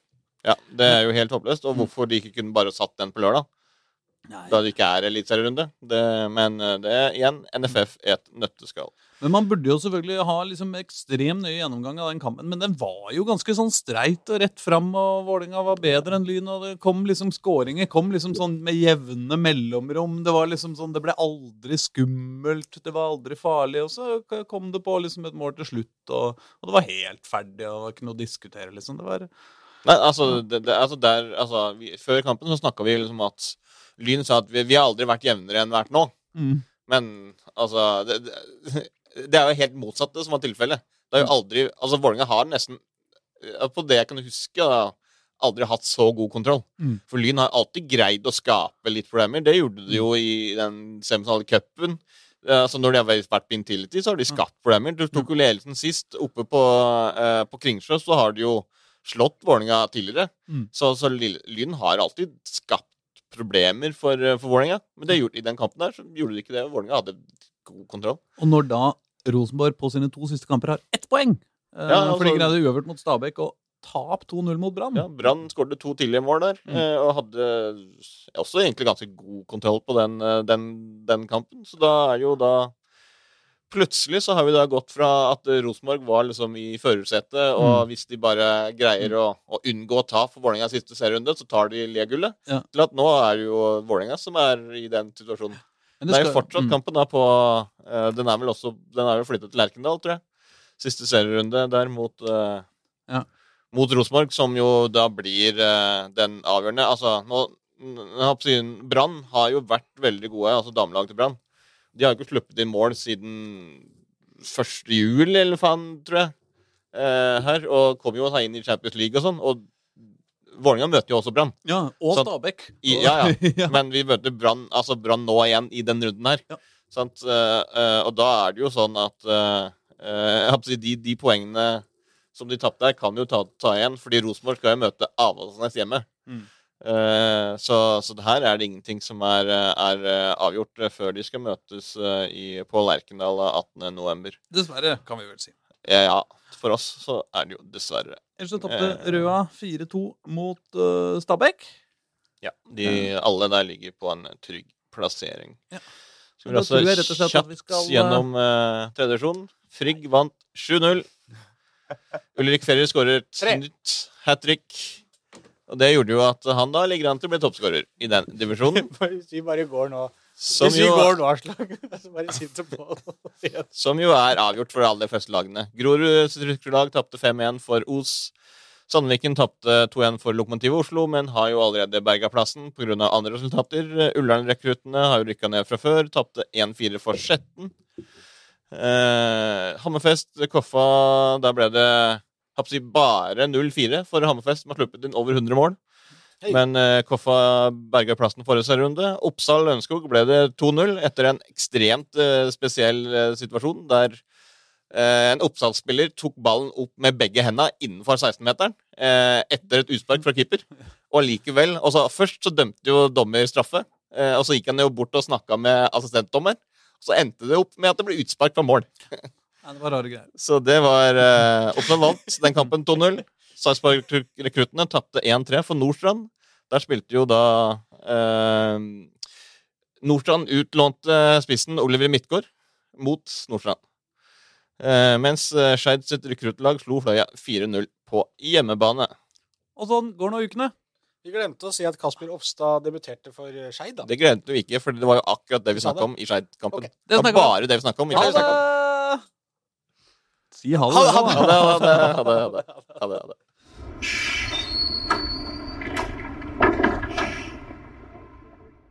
Du har hørt en podkast fra Dagsavisen. Ansvarlig redaktør heter Andreas Heen Haaland Karlsen.